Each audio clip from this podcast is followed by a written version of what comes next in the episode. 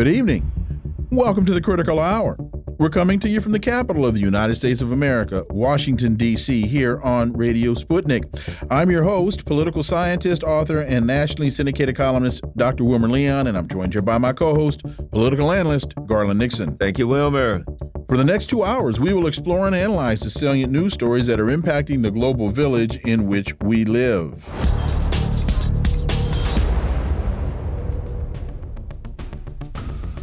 The Washington Post reports at least five dead, 53 injured after missile attack on Zelensky's hometown.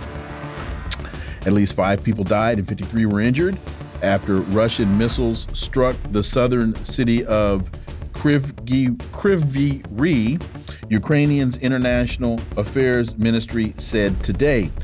Uh, Ukrainian President Zelensky said on Telegram that emergency services were at the scene of his hometown and trying to save as many people as possible. What are we to make of this? Well, for insight, we turn to our first guest. He's a Moscow based international relations and security analyst, Mark Sleboda. As always, Mark, welcome back. Dr. Leon Garland, thanks for having me. It's always an honor and a pleasure to be on the critical hour. So, the Post reports the strikes came after Zelensky said yesterday that attacks inside Russia are inevitable. Kremlin officials accused Kiev of drone strikes in Moscow and Russian annexed Crimea. Ukrainian officials have not yet confirmed whether Kiev played a role in those attacks. So, Mark, is first of all, is the story as reported? Eh, because it is coming from the Post, so we always have to ask that question. And was this just in response to Zelensky saying that attacks inside Russia are inevitable.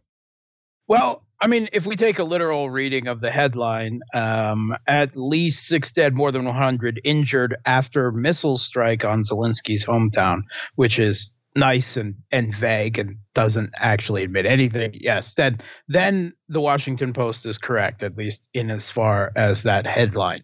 Um, so, I mean, it's no secret um, there was exchange of drone and missile attacks this weekend. Russia has been sending drone and missile attacks into Ukraine every single night for uh, two two months and at least two weeks on top of that now. Uh, you know the whole course of the offensive and slightly before every single night you know, which we know is physically impossible because Russia ran out of missiles um, uh, last March uh, by the Washington Post's own accounts. Yeah, I, I thought they were uh, they were launching yeah, shovels. Yeah, yeah, was, yeah, shovels. Yeah, yes. and washing machines. yeah, yeah, this this particular shovel, in the form of an Iskander missile, was uh, targeting the SBU, the Ukrainian intelligence building in Kryvyi Rog.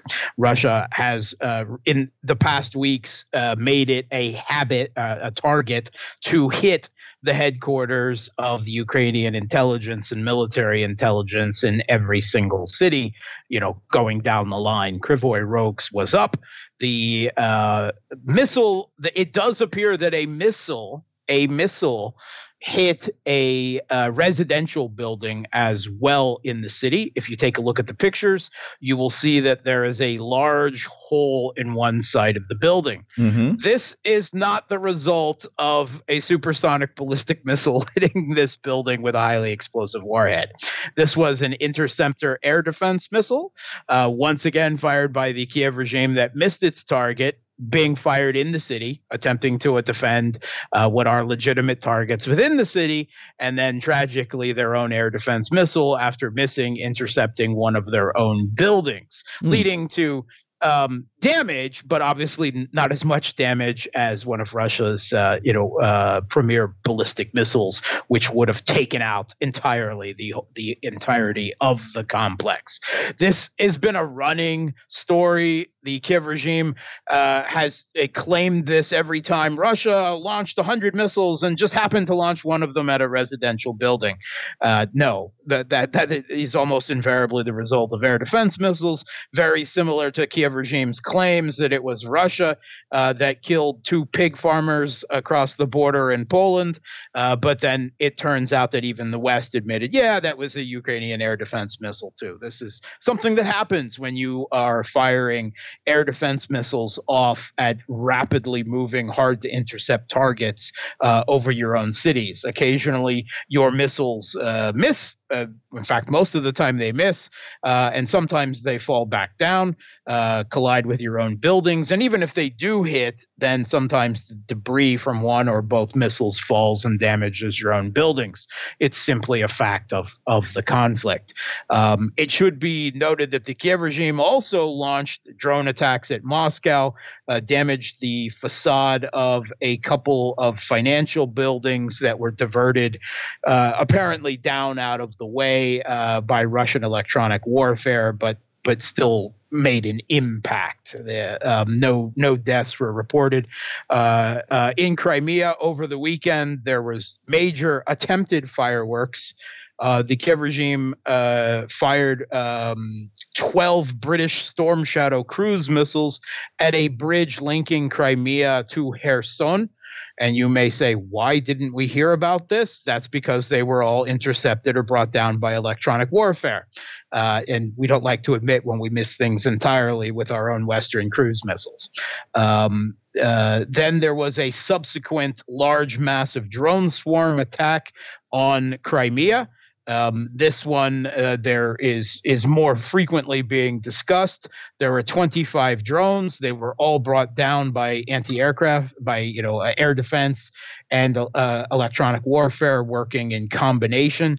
It was almost assuredly an attempt to disrupt Russian Navy Day uh, festivities. Sunday was Navy Day in Russia, and Sevastopol is the home of the Black Sea Fleet, has been for centuries, basically as long as the United States has been a country. Um, and uh, there was an attempt to disrupt the naval parade there almost certainly. They did manage to get three cruise missiles then following that failed drone attack and they took out an arms depot and one other small i think believe a fuel depot in crimea as well. Uh, russia had very large uh, drone and missile attacks all over ukraine as they do every night but the kiev regime forbids its own citizens to report on them anyone who is caught taking pictures uploading them to social media uh, will quickly have ukrainian intelligence knocking at your door. We've seen the results of that uh, one such incident uh, last um, uh, week. Uh, a young man uploaded a video of an impact in Odessa. He was forced to apologize to the nation in some type of hostage video, and then he was quickly packed off and conscripted and sent to the front lines. So that's that's the that's the normal price. That's why you don't hear very much about Russia's nightly drone and missile strikes uh, in Ukraine, but you do hear about uh, a drone that damages the facade of one financial building in Moscow every two or three weeks. Sputnik International reports Shoigu briefs Putin on results of his visit to North Korea. That was a pretty pretty interesting uh, trip. Your thoughts on that, Mark? Yeah, so South Korea has been sending um, uh, weapons uh, to Western countries involved in Ukraine, uh, including artillery shells to the United States, which the U.S. just then passes on to Ukraine. Uh, this is the way it's done. They've also been sending large amounts of military equipment to Poland, and then Poland sends its older stuff uh, on to Ukraine. Russia understands this game.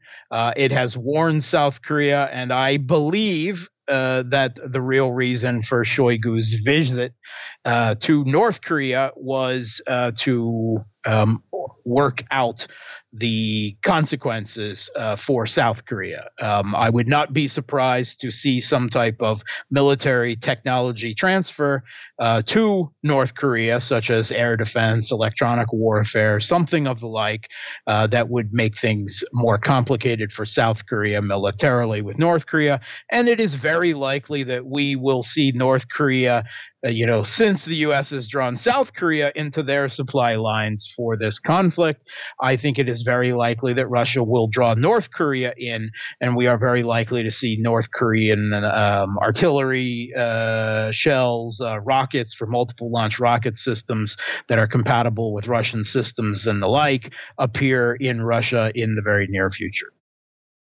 Antiwar.com reports uh, Medvedev says Russia would use nuke if Ukraine's counteroffensive was successful. The former Russian president says Russian forces are preventing a global conflict by repelling the counteroffensive. This is, I found it interesting in that when statements like this have been made in the past, they are usually interpreted in the West as threats of using nuclear weapons or projections of using nuclear weapons, as opposed to saying, look, if you, the West, continue along this line, please understand the position that you're going to force us into. Is am I making am I drawing a distinction without a difference? Yeah, no, no, no. It's very much, and the West has made clear that they don't believe in Russian red lines, uh, and I think they have good cause to believe that this was, shall we say, um, bluster. Uh, Medvedev talking out of his butt shall we say. Uh, this has nothing to do with Russia's nuclear doctrine. Russia's nuclear doctrine allows nuclear weapons to be used only in case of um, a attack uh, or uh, it, it, possibly an impending attack, depending on your reading, uh, of, of, Russia by a weapon of mass destruction, a nuclear attack, a chemical, or a biological, or a con- conventional attack of such overwhelming force that it threatens the very existence of the state. It's very specific. Um, the Kiev regime succeeding in an offensive and taking, let's say they took back a part of the Donbass, or I don't know, a part of Kherson and Zaporozhye which uh, you know are considered by the Russian government and the people there to be part of Russia. Uh, does that necessitate a nuclear strike? No, it does not. This is ridiculous. Um, statements like this are not helpful. Uh, first of all, it causes the West to take Russia's red line statements less seriously, and they already don't take them seriously at all.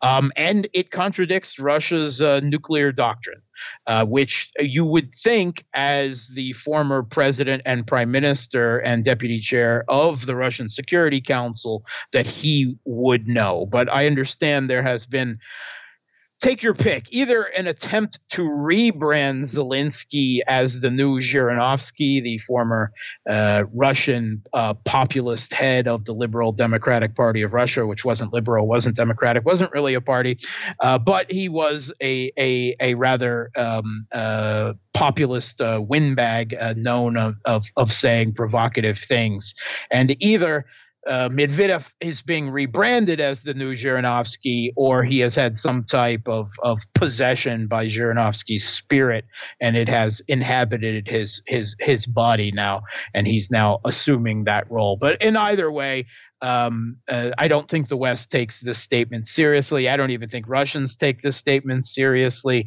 and uh, I I think Medvedev had better think before he he twats away. We, we have just about a minute and a half left, and you've mentioned Russian nuclear doctrine. As I talk to people, and I'll talk about, well, Russian nuclear doctrine says that these are the only instances where a nuclear weapon could be used, or or the or I'll say, you know, Russia has a policy of not assassinating foreign leaders, so that's why Zelensky is. And they'll, they'll look at me and say, "Oh well, what does that mean? Putin's crazy. Uh, what does that mean? You know, he, he can do what the hell he wants to do." Can can you quickly just speak to the doctrine and what that means as it relates to Russian government intervention? Hopefully, that question makes sense. Sure. Okay. So, yeah, I mean, the Russian president could do whatever he wants. Mexico just um, uh, pissed off the Biden administration by announced that they won't come to Zelensky's peace summit, uh, uh, which means the the the um, uh, the uh, knuckle the leg breaker session where the U.S. is attempting to force uh, developing countries into adopting Western sanctions. Theoretically, Joe Biden could fire nuclear weapons and wipe out Mexico City what's really stopping him. Of course, I mean that's that these are kind of nonsense statements like that, right? Russia has and the Soviet Union before it has not used nuclear weapons. The U.S. has. So I consider these statements to be, uh, you know, uh, that that kind of logic to be to be, uh, you know, not uh, helpful or responsible. About as helpful and responsible as Medvedev's comments. Mark Sleboda, as always, thank you so much for your time. Greatly, greatly appreciate that analysis. We look forward to having you back. Thanks for having me. Folks, you're listening to the Critical Hour on Radio Sputnik. I'm Wilmer Leon. I'm joined here by my co host, Garland Nixon. There's more on the other side. Stay tuned.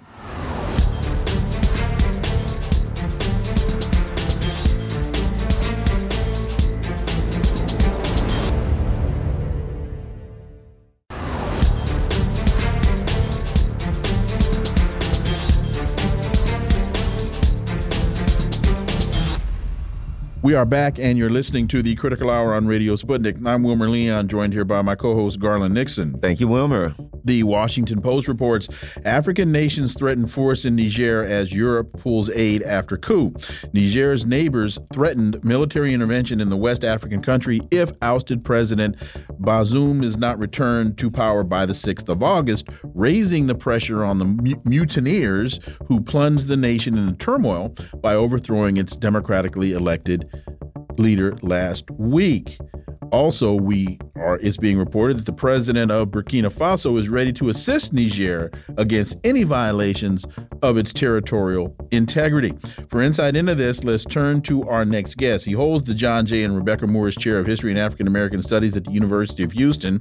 He's one of the most prolific writers of our time. His latest book is entitled Revolting Capital Ra Racism and Radicalism in Washington, D.C., 1900 to 2000. Dr. Gerald Horne as always, sir, welcome back. Thank you for inviting me. So, trouble is a brewing in the region, sir. Your thoughts on now we've had a couple of days to see how this is playing out. Your thoughts on what's going on uh, right now in Niger uh, wh and where the United States is fitting in to all of this turmoil?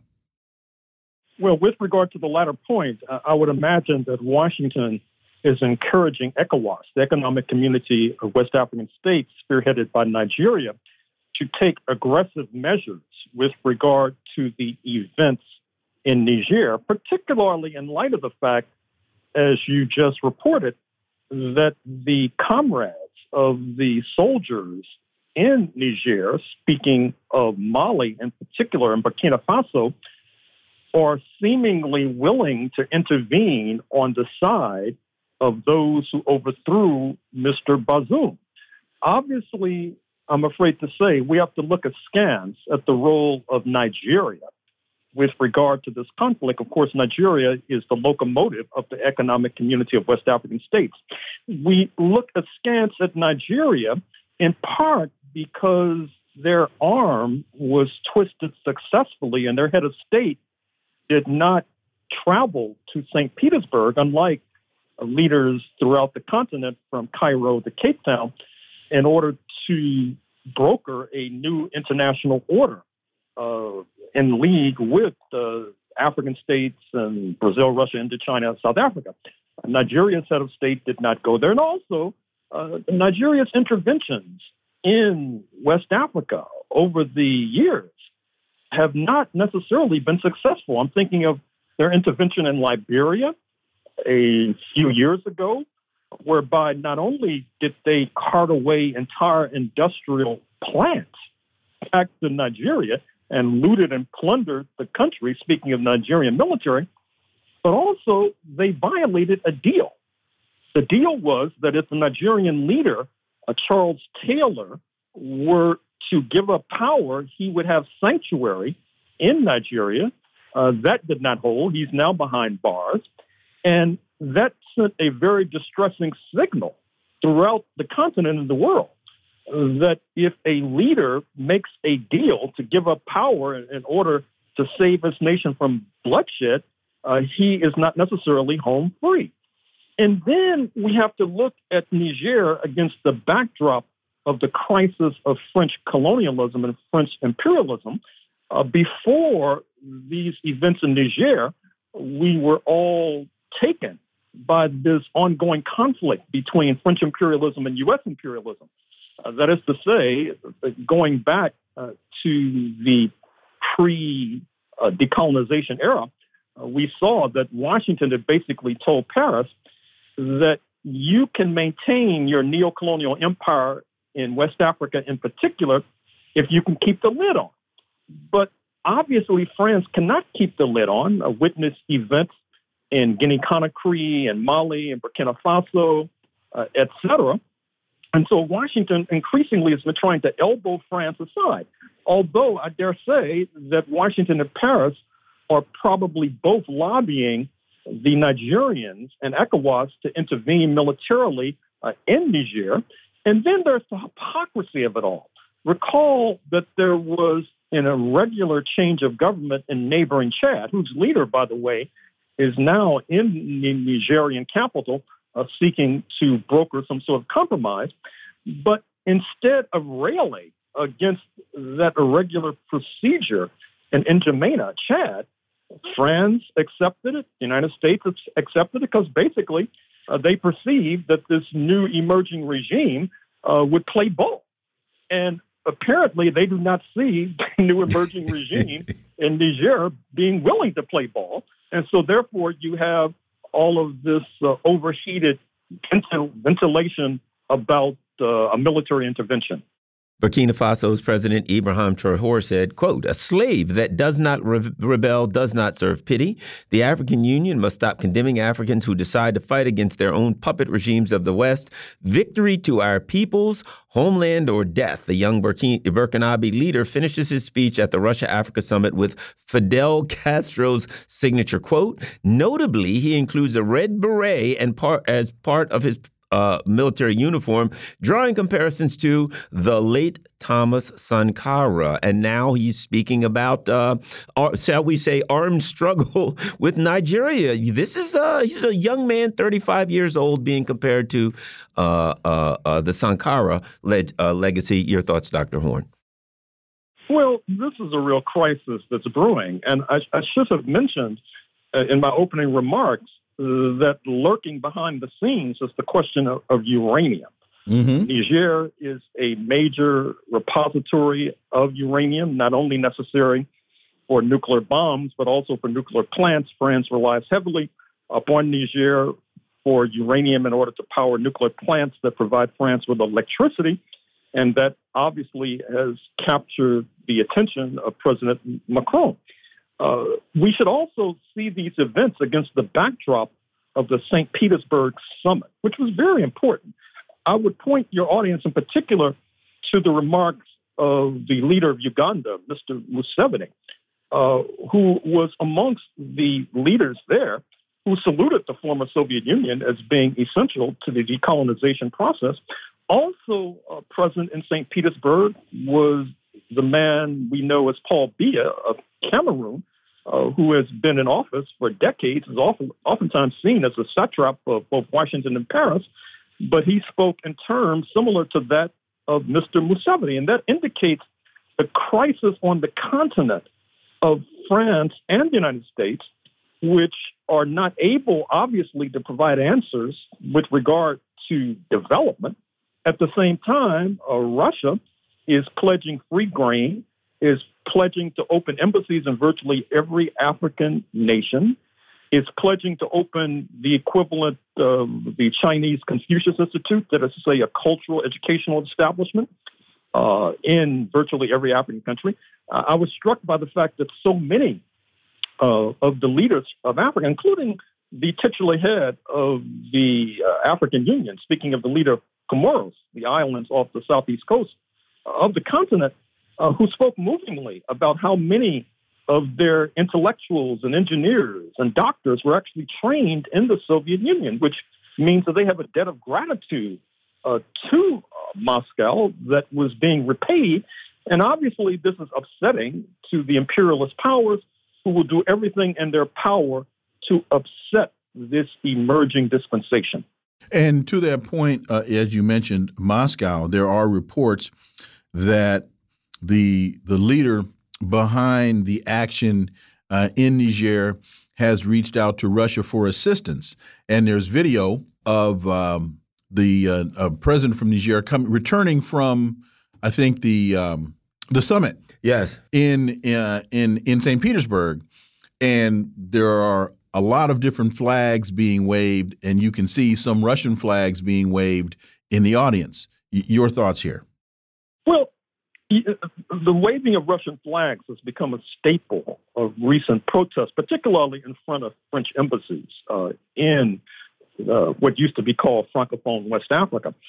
And I think it's an emblem of this dissatisfaction with French imperialism and French uh, neocolonialism. But recall that it was just a few days ago that we were captivated by the protests in France uh, over the killing of a French national of African descent. Uh, this was indicative of how uh, Africans who cross the Mediterranean into France are maltreated and mistreated. And so many in Niger have had it up to their keister uh, with French imperialism. They want a new dispensation and I'm afraid to say that the Washington Paris are, are, standing in the way. And let me make another point, if I may, of, about Russia, because there's another stream of history we cannot ignore. Uh, what I mean is, is that it's apparent that Russia has made a titanic decision to move away from Peter the Great's uh, policy of 300 years ago of trying to integrate with Europe. Uh, that has not worked out very well, to put it mildly, as the proxy war in Ukraine suggests. Oh, I think Russians have finally come to learn the lesson of history that it was not only Napoleon who tried to uh, overthrow the regime uh, in Russia, because Russia, after all, is the largest nation by territory on the continent, a repository of all manner of natural resources. Before that, uh, before Napoleon, it was the leaders of Sweden, recalled in the middle of the 19th century. These so called Christian nations, speaking of Britain and France, uh, united with predominantly Muslim Turkey in the Crimean War in order to overthrow Russia or at least weaken it. And these avowedly white supremacist nations, speaking of London in the first instance, helped to finance and fund the Japanese attack on Russia in 1904, 1905, which actually just set the stage for the Bolshevik Revolution of 1917. So Russia is now turning not only towards China, not only towards India, but also towards Iran, and also reference here the recent uh, visit of Defense Minister Shoigu to the Democratic People's Republic of Korea. And this too is frightening the North Atlantic nations. They are obviously incapable of engaging in regime change in Russia. And so they are caught betwixt and between. Dr. Horne, another important thing, the U.S. is talking, you know, and its allies are talking about, you know, making a move on Niger. We've got some West African countries saying, if you do, we'll fight back. Take us back to the issue of Malcolm X's discussion of the internal colonies. If the U.S., if the Westerners are seen as attacking Africa and African countries come in and they're attacking all of these black African countries, there's a lot of Africans in France. There are a lot of Africans on this radio show who are who would look at that and say, "Wait a minute now. You've been telling us we're part of this and now the white west is attacking Africa." That's a problem for them, Dr. Horne. Well, I think it will create much more of a problem on the African continent and, in fact, the Caribbean than it will in North America, I'm afraid to say. And I say that uh, with regret. And I'm saying this also in reference to a remarkable confluence just this past Friday. Uh, that is to say, uh, as you had this all important summit in St. Petersburg of African heads of state and government with their Russian counterpart, you had the spectacle of Prime Minister Meloni of Italy, perhaps the most wildly, hysterically anti African leader in the world today. Look at some of her remarks about Africans crossing into Italy, for example, and your hair will stand on end if it's not already there. And yet she was in the Oval Office actually photographed holding hands with Joseph R. Biden. I expected some sort of outcry or outrage from these Africans in North America, but alas, I'm afraid to say they were probably blissfully unaware uh, of what was going on, the stakes at play. And this is obviously a product of decades of propaganda. It's a product of the purging of the left led by Paul Robeson, which has upset the ecosystem of Black America politically. And so uh, I'm afraid to say, Garland, that even though an invasion of Niger, uh, backed by France and the United States, will cause outrage on the African continent, uh, I'm not so sure about North America. But isn't what we're looking at playing out in Niger, isn't that why AFRICOM is AFRICOM? Well, certainly. And, and AFRICOM, as you know, is headed by a uh, black American, uh, Lieutenant General Michael Langley. Coincidentally, uh, he carries the surname of the headquarters of CIA, perhaps not coincidentally. And this is a reflection of another point that needs to be underscored, which is that soon the top military officer of the head of the Joint Chiefs of Staff will be a black American, C.Q. Brown, accompanying the soft so-called the top so-called civilian leader, uh, Mr. Lloyd Austin, the head of the Pentagon, and tack on top of that the fact that the U.S. Supreme Court says that affirmative action is okay in the military, but nowhere else. And so one would think that it was quite quite dangerous for the United States to rely so heavily upon these black American leaders to be the armed male fist of the military, but perhaps they know something we don't know. Well, you got to make some compromises to become a general. Dr. Gerald Horne, as always, thank you so much for your time. Greatly appreciate that analysis. We look forward to having you back. Thank you. Folks, you're listening to the Critical Hour on Radio Sputnik. I'm Wilmer Leon. I'm joined here by my co host, Garland Nixon. There's more on the other side. Stay tuned.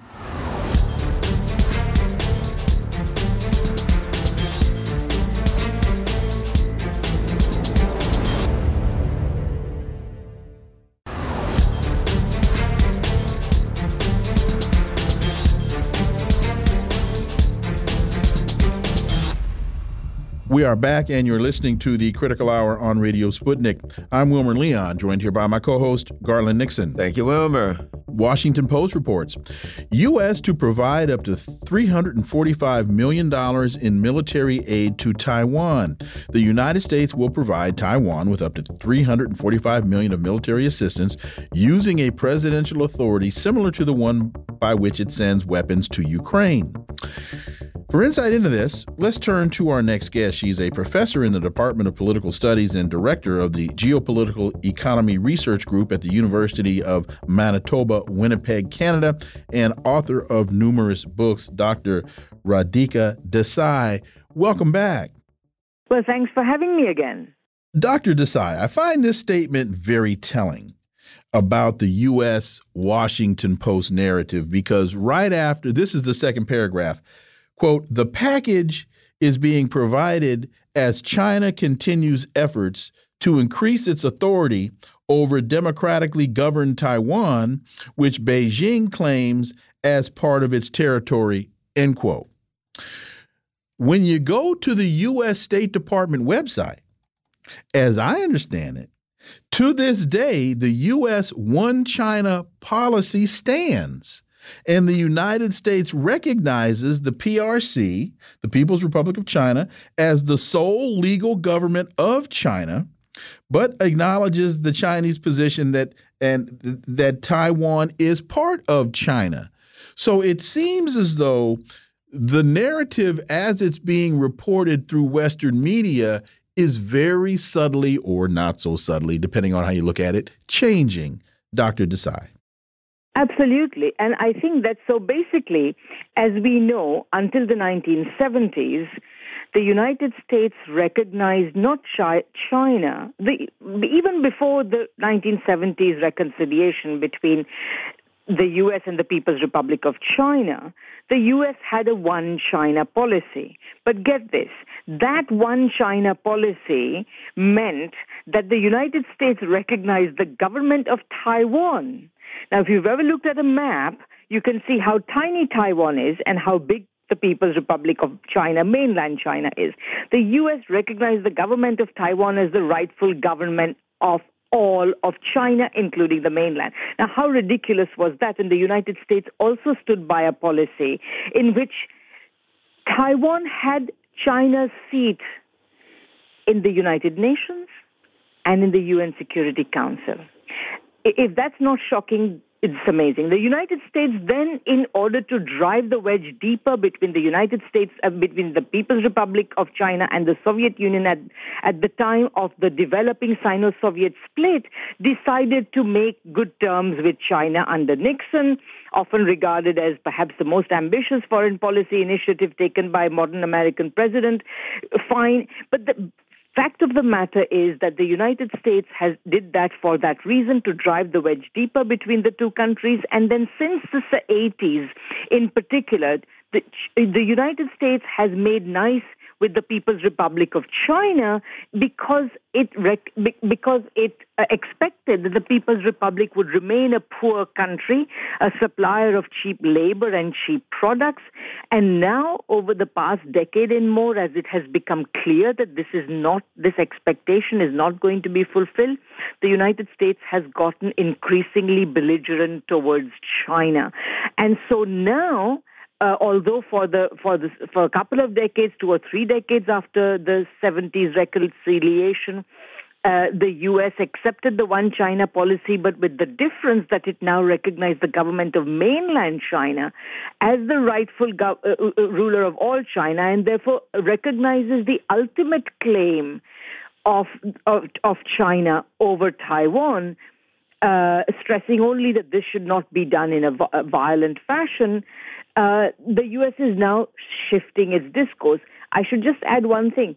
China also does not wish to use force to unite China and Taiwan. The fact of the matter is, economic relations between China and Taiwan are deepening all the time.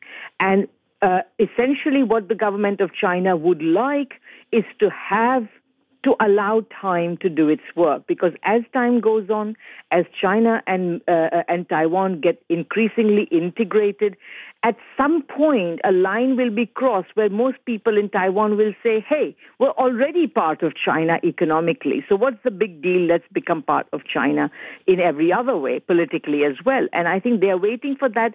But the us build up of weapons and the attempt to constantly try to get the Taiwanese leadership to rattle its sabers against mainland, which is a ridiculous thing to do, but they're doing that.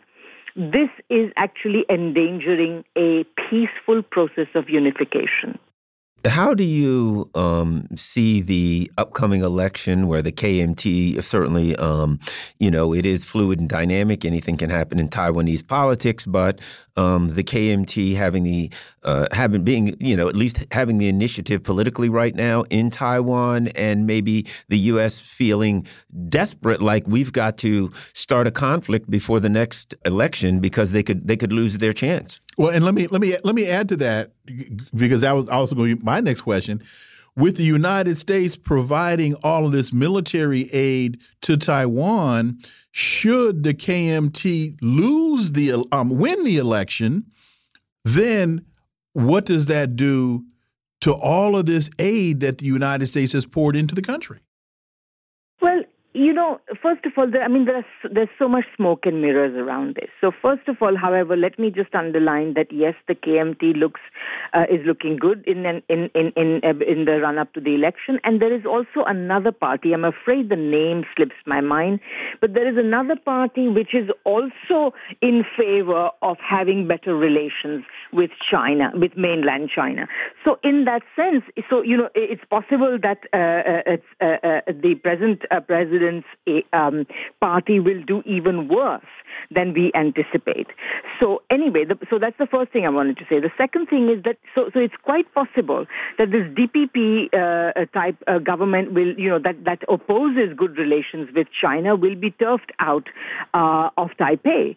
Uh, then you are asking what will happen to U.S. aid, etc. Well, obviously uh, the new government is not going to rattle sabers against the mainland, but I think it's more than that. I mean, I'm reading in the papers that the United States is having difficulty delivering weapons to Ukraine, and the Taiwanese have also been complaining that the uh, long promise, that is to say, even before this 345 million package, the uh, weapons that had been promised before have also not been delivered.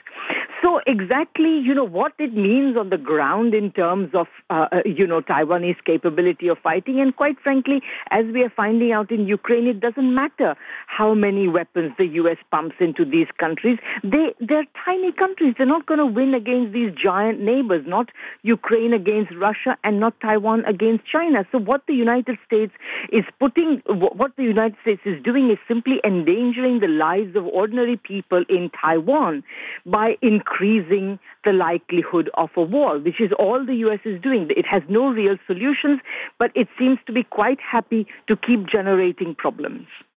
And your thoughts, your opinion on how the United States uh, vassal relationship, proxy relationship with Ukraine as it relates to the war is factoring into the reality of the perceptions of the average Taiwanese person. I they, I can only imagine and assume that they're sitting in their home saying, "We don't want to go the same way that Ukraine has gone because it isn't working out well for Ukraine." Absolutely. I think if I was a Taiwanese person, and the fact of the matter is that this analogy, Ukraine, Russia, Taiwan, China, this analogy is very active in the U.S. discourse. And so if I was a Taiwanese person, and I'm sure most people are as sensible as I am, they'd say, we do not want this. On top of that, would you believe it? The United States, the, uh, the Biden administration has actually talked of bombing TSMC, which is this, uh, mm-hmm. you know, whiz bang producer of the most advanced uh, uh, uh microchips, uh, uh, which you know, which is located in in Taiwan. They're saying we're going to bomb it in order to prevent the Chinese from getting their hands on it. Now, imagine if you know, if if you were to, if you were a member of the political elite or even an ordinary citizen, if your alleged ally is saying that it's going to bomb your most uh, important productive facility, what would you think? What kind of an ally is this? Of course, they are, and that's why parties like the KMT and this other new party are, of course, gaining in popularity. They do not want this sort of uh, um, uh, this sort of alliance with the United States, which endangers their relationship with China, which, as I said, is deepening and broadening all the time. Uh, Responsible Statecraft has an article called "How the Solomon Islands Became a Flashpoint for U.S.-China ri Rivalry." And you know what I recall we re we reported a while back was that uh, the China signed an agreement to uh, work with uh, Solomon's uh, Solomon Islands, and the U.S. said that they wouldn't quote rule out military action against the Solomon uh, Solomon Islands. so the U.S. has drawn a red line, seven thousand three hundred and forty-one miles from the U.S. shores. Your thoughts on Solomon Islands, Dr. Desai? Well, I mean, the thing is that uh, the United States has always defined its security needs in highly inflationary terms. I mean, you know, when people say that the U.S. is imperialist and so is China and so is Russia, whoever says that they should just pull out on the internet, it's very easy, a map of U.S. bases around the world and then a map of Chinese and Russian bases out of China and Russia, and they will see the huge difference between the two. So basically, what's happening right now is that uh, ever since uh, about 10, 15 years ago, as the U.S. began to realize that, you know, China is not going to be a nice little, uh, you know, pet producer of cheap things, but might actually become a challenge to the U.S. economically, technologically, and in many other ways, and also in terms of foreign policy. As we are seeing, the U.S. is losing allies and, the, and China is gaining them. As this uh, uh, this loss of influence becomes more clear, what the United States has been doing is essentially pivoting to Asia, as President Obama did, and that means that they are starting a new, uh, a new type of Cold War in the Pacific, just as once upon a time there was one in the Atlantic. That is why NATO is supposed to reorient towards the Pacific. Uh, NATO has started making statements about how dangerous China is and what it should do about it, and so on. Um, and also, they are creating these new alliances like the Quad, like AUKUS, and so on. Now, there is a fly, however, in this ointment as far as the United States is concerned, because while, you know, uh, may, most capitalist countries, advanced capitalist countries, are happy to sign up to these uh, uh, documents, the fact of the matter is that their engagement with China their own. That is to say, the engagement of countries like Japan, Australia, and even Europe. All these countries with China is deepening. And so when it comes to taking military action, if you read about, you know, what they think of it, they say, you know, they may passively allow the U.S to use their, their, their, their, facilities or something, but they draw a line at participating in any war with China over Taiwan, etc. So you will, the U.S. will find that even its own allies, I mean, its allies have not even been particularly enthusiastic in their cooperation with uh, uh, the war against Russia. We read every other day in the newspaper about how uh, all sorts of companies in Europe and elsewhere are, you know, uh, not uh, uh, complying with sanctions and so on. So we, there will be a big reluctance to uh, participating in a war with China, even more than participating in a war with Russia, which is already having problems. So, in that sense, I don't think the United States is going to find its wishes and its ambitions vis-a-vis China fulfilled. But it's and, and one would think that they would have a few sensible people in Washington who mm. say, folks, this is not working. Can we try another tack? But it seems as though there is nobody like that as yet in Washington. Dr. Radhika Desai, thank you so much for your time. Greatly, greatly appreciate that analysis. And we look forward to having you back. Thank you very much. Look forward to being back. Folks, you're listening to the Critical Hour on Radio Sputnik. I'm Wilmer Leon. I'm joined here by my co host, Garland Nixon. There's more on the other side. Stay tuned.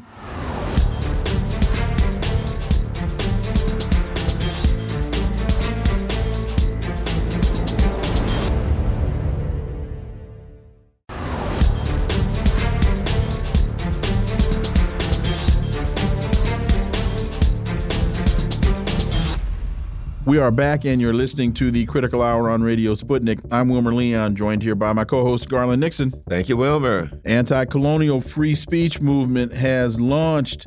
The United National Anti War Coalition held a webinar this week defending our movements against government attacks on civil liberties and democratic rights. For insight into this, let's turn to our next guest. He's an author and two time Pulitzer Prize finalist and a Knight Fellowship recipient with more than 20 years of journalistic experience, former Washington Washington Post bureau chief and award winning foreign correspondent on two continents, Jon Jeter. As always, Jon, welcome back.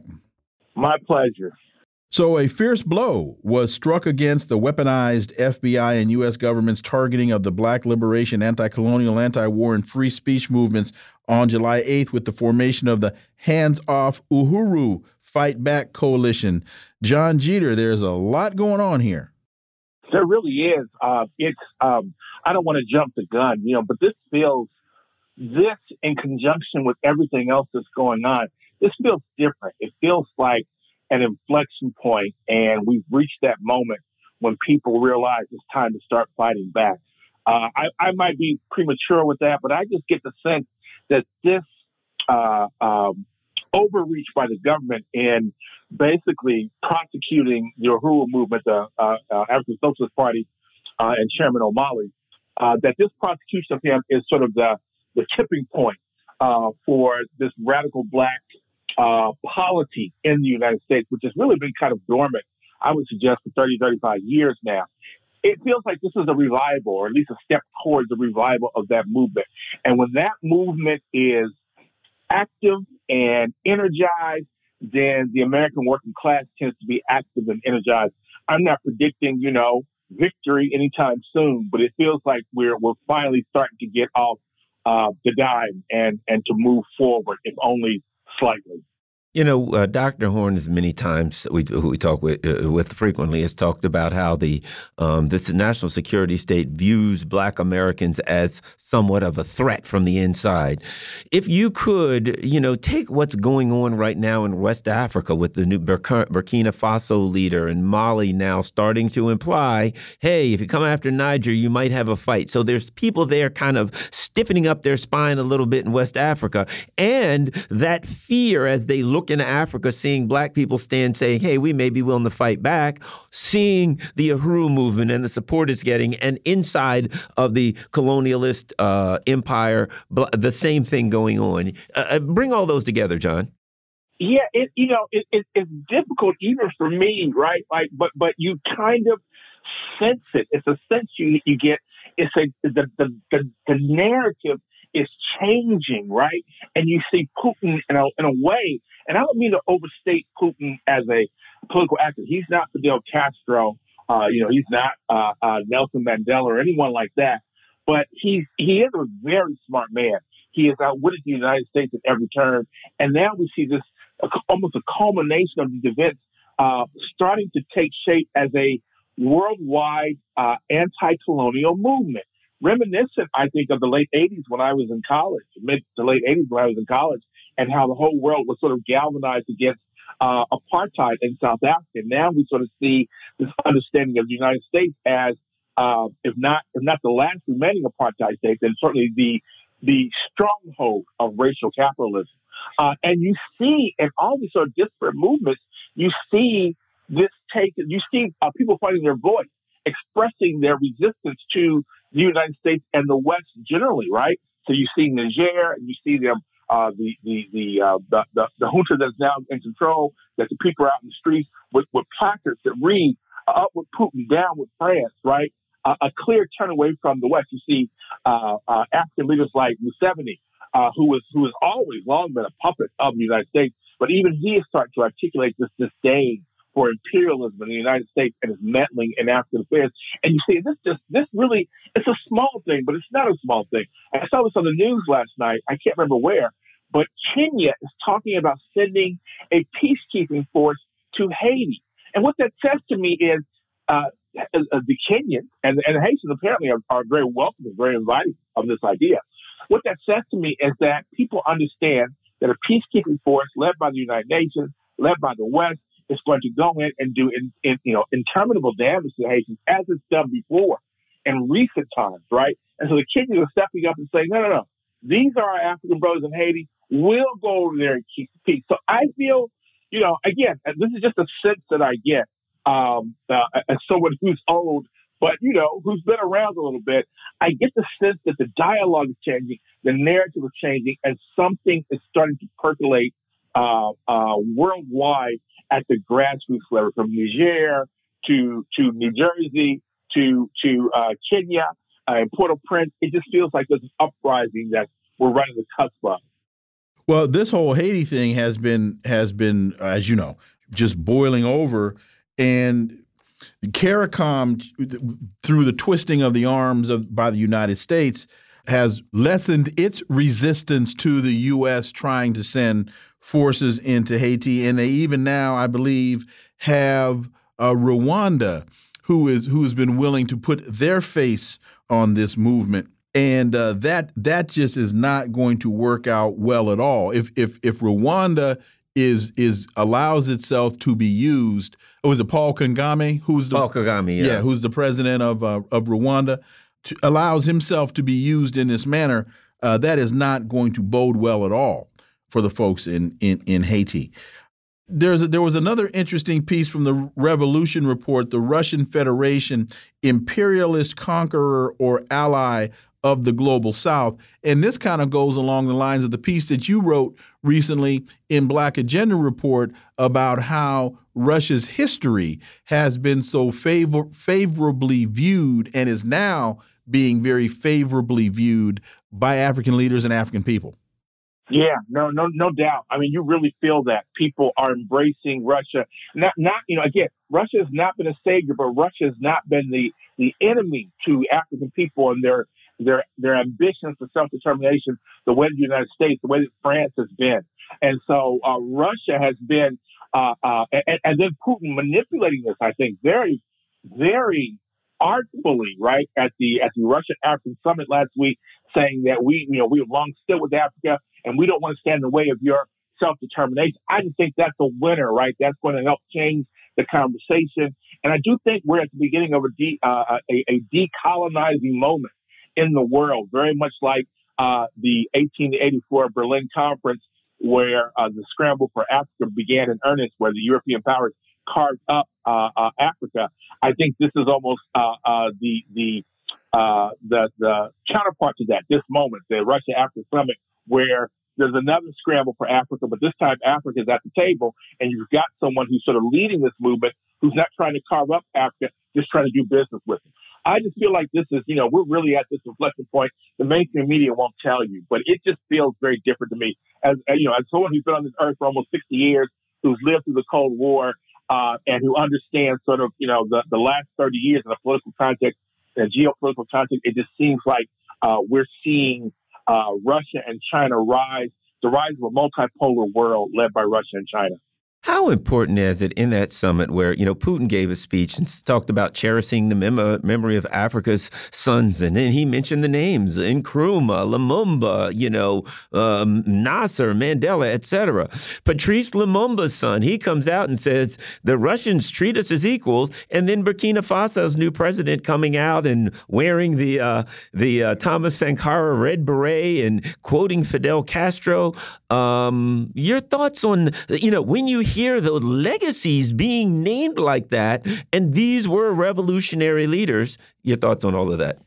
Man, I, I have to tell you, when I read that, I was thinking about when I first got to South Africa in 1999, right before the second Democratic elections there, uh, Thabo Mbeki, who took over for Mandela as the president, gave a speech right before he became president, right? And he gives a speech where he talks about South Africa as a united place. In, in retrospect, it seems uh, uh, sort of a tragic moment because none of these these uh, hopes have been recognized. But he gave a speech where he talked about the Africans, but then he talked about the Afrikaners, right, and how they were South Africans just as much as anyone. I can't remember his exact way, his exact words, but it was you know he always wanted to be a poet, so it was very soaring rhetoric, right, where he just invoked the names of Africa, and, and people were in tears. I mean, everybody, the entire country was basically in tears at the invocation of this idea of what it meant to be a South African, right? Uh, what Putin did reminded me very much of that, right? It was, it was, it painted a vision, right, of, of Africa as an actor, as an equal actor on the world stage, right? And that just is, it's so powerful. I don't think people understand especially now, the age of social media and 160 word tweets, I don't think people understand the power of language to really get people to act, to coalesce, to move. Putin certainly does. And he's sending these signals out that are starting, I think, to see people act, to coalesce, to move, to fight back. So it's a it's a powerful historic moment for me. Again, I just feel like something is in the water here. Something is happening here you know, again, the legacy media in the United States especially won't tell you what's happening. But if you sort of keep in touch with revolutionary actors all across the world or, or, or resistance movements all across the world, you can feel that something is different in this moment than it was a year ago. But you talk about soaring rhetoric, and that is very, very important. Barack Obama used soaring rhetoric and failed to deliver. Joe Biden has used soaring rhetoric and has not been able to deliver. Vladimir Putin is sending grain for free to the continent. Russia is uh, just dropped 23 billion in loans forgave. Uh, that was my next oh. that was my next point was uh, they that they've just forgiven uh, 23 billion dollars in debt and has committed another I think 900 million to other projects. So he not not only does he understand the power of rhetoric, he also understands the power of delivery. Oh, it's no question about it. I, I read where uh, China's investments in Africa are quintuple that of the United of the United States in terms of trade. Uh, uh, well, investments in in, uh, in in Africa on the continent. Uh, yes, uh, Russia and China, I think, understand that um, rhetoric alone is not enough, particularly in this moment when we've seen now that the tenets of neoliberalism started, you know, more than 30 years ago, particularly uh, with the administration of President Clinton uh, uh, in 1993. We see now that this failed. The rest of the, the entire world understands that this has right. failed. Neoliberalism has failed. Right. And so now we have to deliver to the people. Jon Jeter, as always, thank you so much for your time. Greatly appreciate it. Look forward to having you back. Thank you both. Folks, you're listening to the Critical Hour on Radio Sputnik. I'm Wilmer Leon, joined here by my co host, Garland Nixon. There's another hour on the other side. Stay tuned.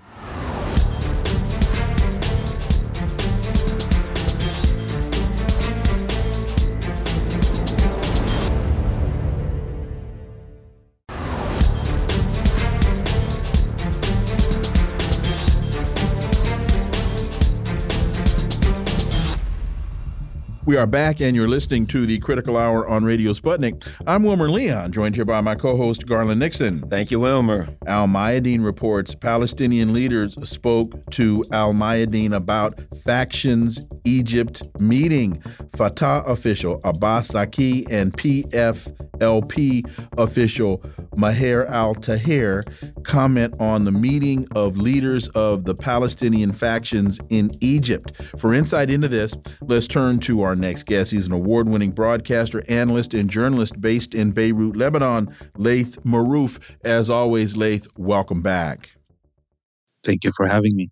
But before we get to that, there have been some breaking stories in terms of the Washington Post reporting African nations threaten force in Niger as Europe pulls aid after coup. Niger's neighbors threaten military intervention in a West African country if ousted President Mohamed Bazoum is not returned to power by the 6th of August. And Laith, you've got some updates for us on that front. Oh, yes, it's moving very fast, this story. Uh, Algeria just uh, made a statement saying that it will not stand idle if uh, Niger is uh, uh, uh, invaded by anybody, which means that they will defend Niger militarily.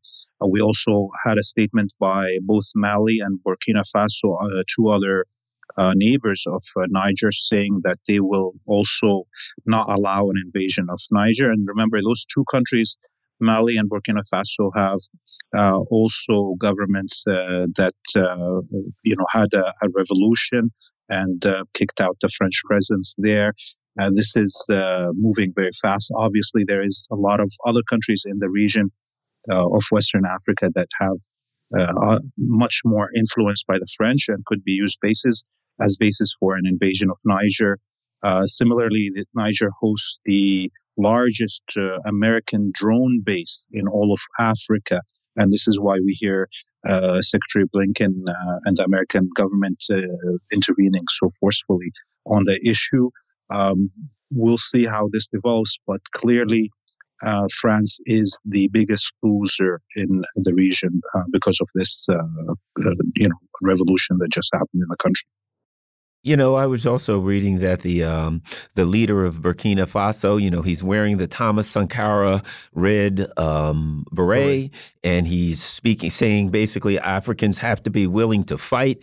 Um, he said that at the uh, Russia Africa Summit for their freedom. It certainly sounds like a new day is being born in Africa, such similar to the the Middle East. Your thoughts on that? What the, the kind of things that are coming out of this summit? Yeah, the, the summit was amazing to watch. Uh, of course, the speeches of the president of Burkina Faso uh, returned us to the good old days of uh, anti colonial st- struggles. Um, and to see right now how Algeria, Burkina Faso, and Mali are standing with their neighbor Niger against intervention um, by the West and or its uh, allies in Africa is uh, very heartening. Um, also, we have to remember Niger uh, supplies uh, a huge amount of uranium to France. Uh, something like 50% of French uranium comes from uh, Niger, and that's what runs the French nuclear reactors that keep the country lit. And so, this is immediately right now affecting much of the core countries of uh, the NATO alliance, when we talk about France and the United States losing such hold in Niger, um, and you know to see that this is coming at the same time as the summit was held in Russia, the Africa Russia summit.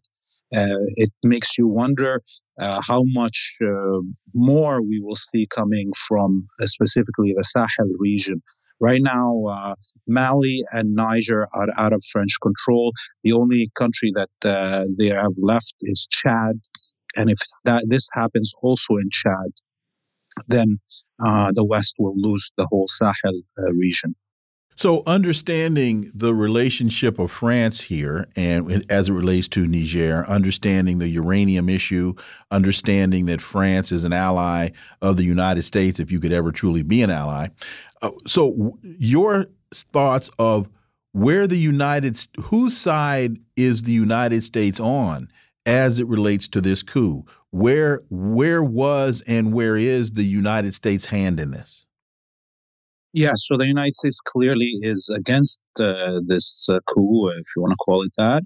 uh, because it made statements, you know, calling for the return of the president. And as we see, uh, its allies in Western Africa made a statement uh, threatening an invasion uh, if that president is not returned by the date that you mentioned in August. So, you know, it's clear that the United States will do anything to maintain a hold in Niger not only to protect France's electricity supply with the uranium, but also to have that uh, drone base that it, it, uses to commit uh, so much assassinations and crimes in uh, Africa. Um, so uh, if uh, if this uh, plays out into a military conflict with invading armies from uh, the south uh, of Niger, uh, then we should expect the, the, whole region to go up in flames. And this comes also as Algeria uh, is being kind of surrounded by the Mossad with the uh, acceptance of uh, Morocco's claims over the uh, Western Sahara, uh, where now Israel is building bases uh, for drones and surveillance. this is clearly playing out at a bigger scale than just the issue of Niger and who's in charge of it and its resources, but the whole region around it, the Sahel and uh, uh, West Africa and North Africa, are um, kind of the uh, uh what everybody's now fighting for. It's not an issue of just Niger.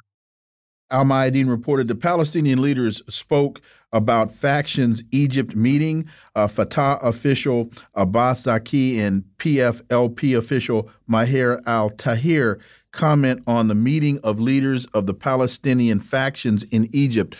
Laith, your what what transpired during this meeting? Should we consider this to be significant? It, it's definitely not significant. Uh, you know, the PA uh, with uh, Abbas as president have been trying to gain some legitimacy since the invasion of Jenin and the rise of military resistance in the West Bank that uh, kind of undermined uh, the uh, collaboration of the PA with Israel. They've been trying to get a foothold uh, and some say over what the other factions uh, are doing in the West Bank. And um, you know, the this this meeting was to host all the presidents of the Palestinian uh, political parties in Egypt, and it almost never happened because the uh, Palestinian Islamic Jihad and the PLFP uh, and other factions demanded that the Palestinian Authority releases all the resistance detainees that it's been uh, arresting on behalf of Israel and putting them in the PA jails uh, before such a meeting happens. And the Palestinian Authority refused.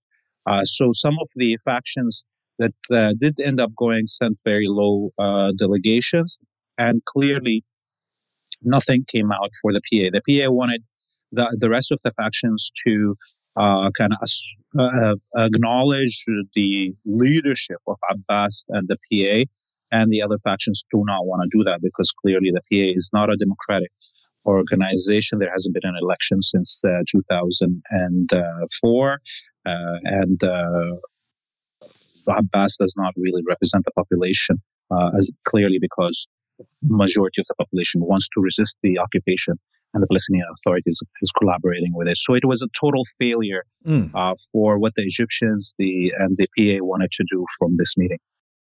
A Mint Press News, the Israeli press is abuzz following a New York Times piece by Thomas Friedman in which he discusses U.S. President Joe Biden's attempt at forging a strategic U.S. Saudi alliance including a crucial normalization clause with Israel. We know the Saudis had recently um, re re rejected that, but uh, what are your thoughts on the possibility of that going forward?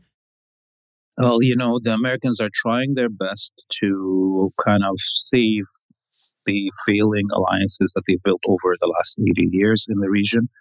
Um, clearly, the Saudis are still playing both sides, as we see. Uh, for instance, last week there was um, I think like uh, electronic games, you know, like video game championships happening, uh, world ones in Saudi Arabia, and the Israeli, uh, you know, team for electronic games was allowed in, and their flag was lifted in these games, which is uh, something that never happened before in Saudi Arabia. So the Saudis are clearly keeping the door open to uh, this uh, quote unquote Abraham Accords uh, while at the same time playing with China, Russia, and Iran on the other side. So I, I can't really judge how much, uh, how successful uh, the American push here is. But um, I personally think that the Saudis will never do this, not at this moment. Maybe, uh, you know, five years ago when Trump was in charge, they they could have actually let that. But even in that moment, you saw how they stepped back and let the smaller players of Bahrain and and the UAE uh, do that normalization and take the heat and the brunt of the attack that came from the public and the Arabic world on the leadership of Bahrain and the UAE for doing that. So I don't think the, the Saudis will risk anything right now in terms of normalization in this uh, international atmosphere of multipolarity that is rising. And you talk about uh, taking the heat, and no pun intended, but a heat wave and no electricity has turned most houses in Gaza into furnaces. This is from Mondoweiss.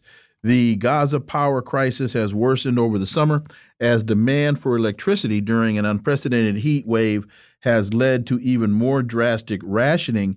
And I would also think, uh, Laith, that water is also access to water in Gaza is is also uh, at a premium because we know that one of the underlying issues with this conflict is access to potable water.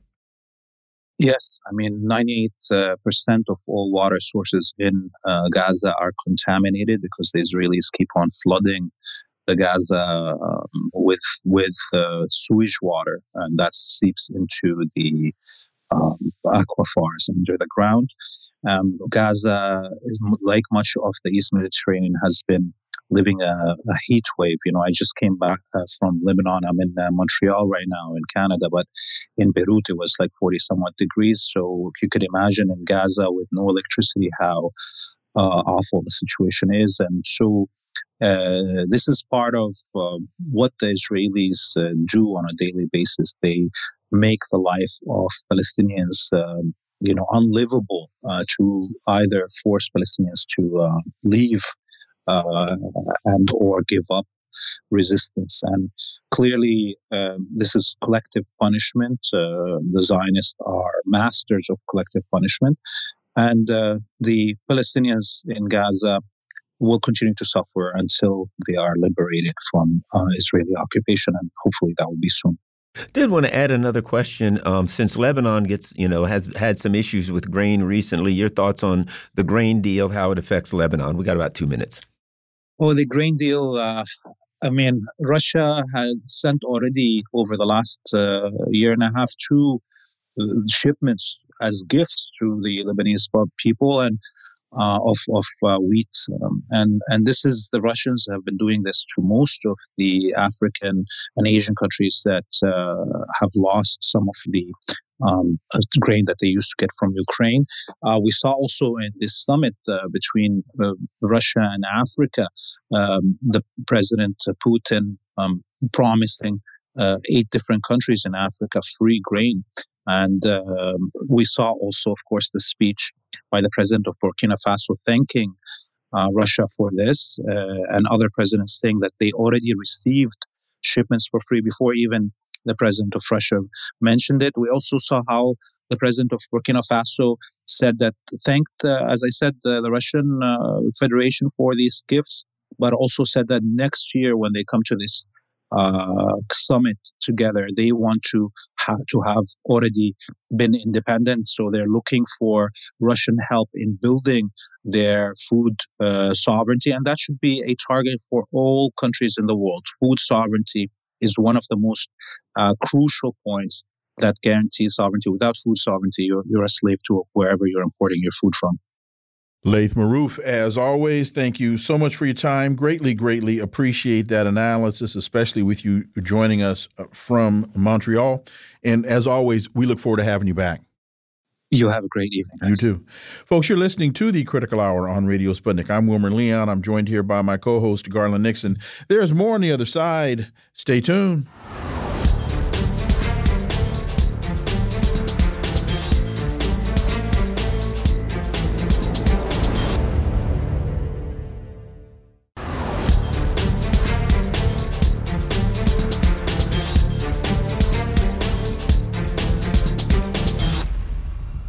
We are back, and you're listening to the Critical Hour on Radio Sputnik. I'm Wilmer Leon, joined here by my co host, Garland Nixon. Thank you, Wilmer. Consortium News has a piece entitled Requiem for NATO's Nightmare. The dysfunction of the Atlantic Military Alliance over Ukrainian membership was just the most public manifestation of the debacle that was the Vilnius summit. For insight into this, let's turn to our next guest. He's a former U.S. Marine Corps intelligence officer who served in the former Soviet Union implementing arms control treaties in the Persian Gulf during the Operation Desert Storm and in Iraq, overseeing the disarmament of WMD. His most recent book is Disarmament in the Time of Perestroika, and he's the author of this piece. Scott Ritter. As always, Scott, welcome back. Thanks for having me. So you write Zelensky emerges as a tragic figure in the unfolding drama that is the Russian Ukrainian conflict. He was asked to sacrifice the lives of his countrymen in order to be seen by the US and NATO as worthy of joining their club. But when the sacrifice did not produce the desired result, the strategic defeat of Russia, the door to NATO, which had been left open a crack to tease Ukraine into performing its suicidal task, was slammed shut. Scott, do you do you really believe that Zelensky ever had a shot? I, I can't I can't see anybody with half an ounce of sense that could think that this was going to be quote unquote successful. I mean, you know, there's a there's a subjective question if there ever was one. Um, yeah, I, I it's not whether or not rational people believed this would have a chance of succeeding. Zelensky had no choice but to make an attempt um, of success. Okay. Uh, he had bought into um, the game that was being offered by NATO. You know, he had a chance, he had a shot early on in March to bring this all to an end. He could mm-hmm. have ended this. Mm-hmm. Um, he chose not to. Now, he was pressured, but he chose not to. He chose to believe that NATO was serious about coming to his assistance and that the purpose of this assistance was to preserve Ukraine as a nation state capable of joining the European Union, capable of being a full fledged member of NATO. And why would he not believe this? Ukrainian troops were being trained by NATO. Ukrainian special forces, and I don't think a lot of people know this, had been tapped as being part of the NATO rapid response force, even though they weren't a NATO member because of the closeness uh, of the training relationship between Ukrainian special forces and their NATO counterparts they were included in the NATO Rapid Response Force composition. And so when you have this and uh, this background, it's not illogical if you're Ukrainian to say, look, when they say they're going to let us in, they mean they're going to let us in. But in order to be let in, Ukraine had to accomplish certain goals. One, Ukraine knows that there cannot be any talk about joining NATO so long as there is a military conflict between Ukraine and Russia. Even Ukraine recognizes this as a reality. uh, but, you know, two, uh, that they needed to beat Russia. In order to defeat Russia, you needed to inflict um, some sort of embarrassment on Russia. Now, Mikhail Podolyak, the uh, presidential advisor, to uh, Zelensky has articulated, I think, better than anybody, the, the Ukrainian approach. It's not to militarily defeat Russia. It's to inflict sufficient military pain on Russia so that Russia suffers domestic political unrest that leads to the collapse of the Putin regime. That is the goal. It's not that Ukraine is going to be able to physically defeat the Russian army. It's that they will inflict enough physical pain on the Russian army that the Russian system will collapse. Um, that's their stated objective. And so when you say no one could think that this counteroffensive could ever work, you're right. Nobody in their right mind thinks that Ukraine was going to drive to Melitopol, sever the land bridge, and, and do what they claim to do. But people did have reason to hope that Ukraine could inflict embarrassing results on the Russian military, maybe penetrating the first line of defense, maybe forcing the Russians to withdraw back to the second line of defense. Um, things of that nature to put Russia on the back heel to send a signal that the initiative is with Ukraine in hopes of freezing the conflict and causing this uh, this domestic unrest in Russia. That's not an unreasonable, um, you know, position to take if you have, as Ukraine did, succeeded in pushing Russia back in September and October of 2022. So Zelensky's not a madman. He's a desperate man. And he and his military did everything possible to fulfill this limited objective. They failed. They failed miserably. Um, but it wasn't for a want, lack of trying. I mean, when you suffer the casualties that Ukraine suffered, it, that's because they got out of the trenches and they moved to close with and destroy the enemy through firepower and maneuver. It just so happens that the Russians were prepared for this, and the Russians did the vast majority of the destruction. But you know, it's not like Zelensky just sat there and did nothing. It's not like Zelensky did nothing. It's not like the Ukrainian army did nothing. They made a valiant effort. They were defeated, and now NATO's giving them no credit for trying. NATO has shut the door. It's, uh, I mean, for for Zelensky, this has to be one of the greatest, uh, you know, disappointments in his life. You know the importance of the NATO summit, which you talk about, uh, which you you, you talk about significantly. Once again, I would recommend everybody uh, go to Scott Ritter Requiem for nations for NATO's nightmare. You can find that at consortiumnews.com, and of course, go to scottritterextra.com for more information on Scott's work. Scott, you talk about the Vilnius summit. It, very very important. To the, the the I think that the there's something that's iconic that's going to come out of that. And that is the picture of all of the NATO leaders glad handing and skinning and grinning and doing all the things they do. And they're in a green janitor's uniform looking in the other direction. The body language and the uh, forlorn look on the face of Vladimir Zelensky. Your thoughts on that summit? And of course, I think that picture will be remembered for many years. Scott Ritter that picture defines the summit. Um, in, in, in, in so much as we have just described.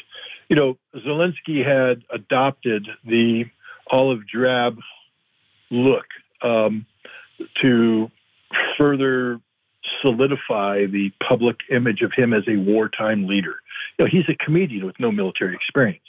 Um, and, and he's thrust in this position, and part of his handler's job and I, I just remind people, one, you know, one of the famous lines attributed to Zelensky early on in the conflict, uh, when Russia was driving on Kiev and, and et cetera, you know, people were saying, you know, the West should give Zelensky a, a ride out of the country. And suddenly this quote comes out I don't need a ride, I need more ammunition. And boom, that just, I mean, suddenly Zelensky is a rock star. He is a hero. He is Winston Churchill. He's the man. He's wearing olive green. He's there. He's there. He never said it. It was written by a CIA staff officer. The U.S. Embassy acknowledged that. Zelensky never said that. But this is the reality of Zelensky. This is fake. His posturing is all fake. He's not a military man. This olive drab outfit is done for show purposes only, so that when he speaks before the U.S. Congress or the British Parliament in his video conferences, he looks the part of a Winston Churchill type figure. But this facade only works when the other side's willing to go along with it. I mean, they wrote the script. They said, come on, Zelensky, because Zelensky's not doing this on his own. Everything he does is scripted. Everything he does is scripted. So he comes along, he does his script, he does his thing. He looks like a wartime guy. He gets to Vilnius, and suddenly the script isn't working. It, it's it's it's it's like you're you show up on a movie set thinking you're going to be playing you know John Wayne's role, and uh, suddenly tell you no, you're going to be the uh, you know the, the the guy at the end of the bar getting shot three times by some other character, and you're like, well, wait a minute, I'm supposed to be the star. No, you're not the star. Get over here. And that's what happened to Zelensky. He's no longer the star. He doesn't matter. he, he didn't live up to whatever the producers and the director expected, and he's left there standing alone. While even his wife turns her back on him and is glad having somebody surrounded by these well dressed, well heeled political elites, and he's alone. He's isolated. He's no longer what he thinks he looks like, the fake that he is. He's not a wartime leader. He's a pathetic man wearing a costume. And that's the photograph that will define Vilnius. Now, what's not being shown in, Vilnius, in that photograph is all those people glad handing in the name of so called unity. There is no unity out of Vilnius. Vilnius proved that. NATO is a dysfunctional organization. NATO is an organization that uh, exists through communique alone. There is no reality behind NATO. You can say you want 300,000 troops. It's never going to happen. You can say you're unified, but when you have to bribe Turkey with F 16s to get them to let Sweden in, only to withdraw the F 16s because Greece, a NATO member, is worried that Turkey will be able to go to war against it and defeat it. Two NATO nations worried about going to war with one another. How is that unity? There is no unity in NATO. It's a facade, the same facade that existed when they elevated Zelensky from you know the pathetic role of comedian in chief into a modern day Winston Churchill, only at the end of the day to relegate him back to what he's always been, a nobody. You mentioned Turkey. You write, while Zelensky was playing the role of someone desperately looking for a date to the prom, on prom night, Erdogan was playing hard to get. How has Erdogan factored into all of this, and what happened to his F-16s? We got uh, about two and a half minutes. Well, I mean, Erdogan's been looking out for Erdogan from day one. Um, he is his loyalty is to Turkey and Turkey alone, and uh, we saw that. You know, he he he made a statement. Uh, we won't allow Sweden in until the European Union allows Turkey into the European Union. That was never going to happen. But what it did is open the door for people to say, "Hey, we'll give you a visa, you know, deals. We'll we'll work on uh, IMF possible loans." And the U.S. promised to F-16s, but that was supposed to be for Turkey to immediate for Erdogan to immediately go to the parliament. But then he found out that the U.S. is sort of balking on the F-16 deal, so he said, "We're going to wait until October." Now the F-16 deal is probably dead, which means Swedish membership is dead. We get back to that European unity thing or the NATO unity thing it's not as unified as people think. Um, and Erdogan, having been jilted by the West yet again, I think you're going to see him starting to gravitate more and more away from NATO, the European Union, the West, and more towards BRICS, the Shanghai Cooperation Organization, Russia, China.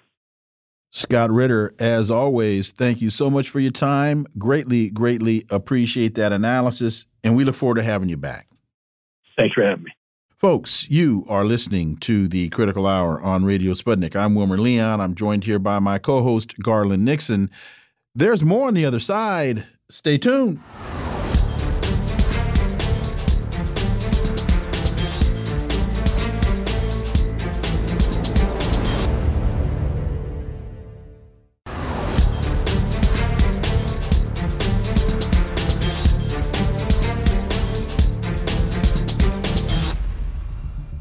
We are back, and you're listening to the Critical Hour on Radio Sputnik.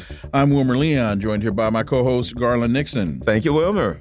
Orinoco Tribune reports Peru chronicle of the third takeover in Lima. More than 100,000 people mobilized throughout Peru calling for the resignation of coup leader uh, Dina Boluarte during the third takeover of Lima. Again, there were arrests and inju injuries.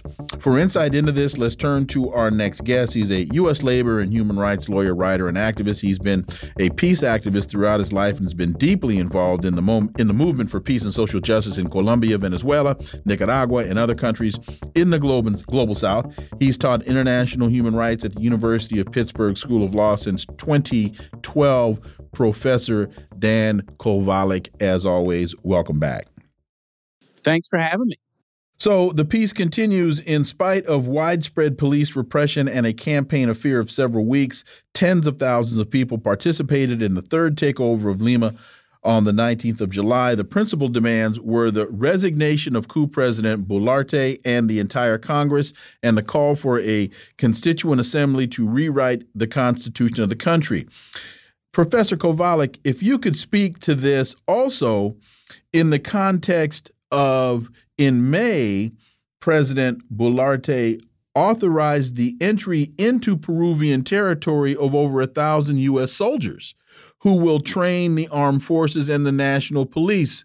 So, Garland and I were asking on this show when these elections were taking place, what would the hegemon do as these neoliberal governments backed by the United States were being ousted by socialist, socialist, democratic type governments. And we were saying that the hegemon won't go quietly into that long, dark night.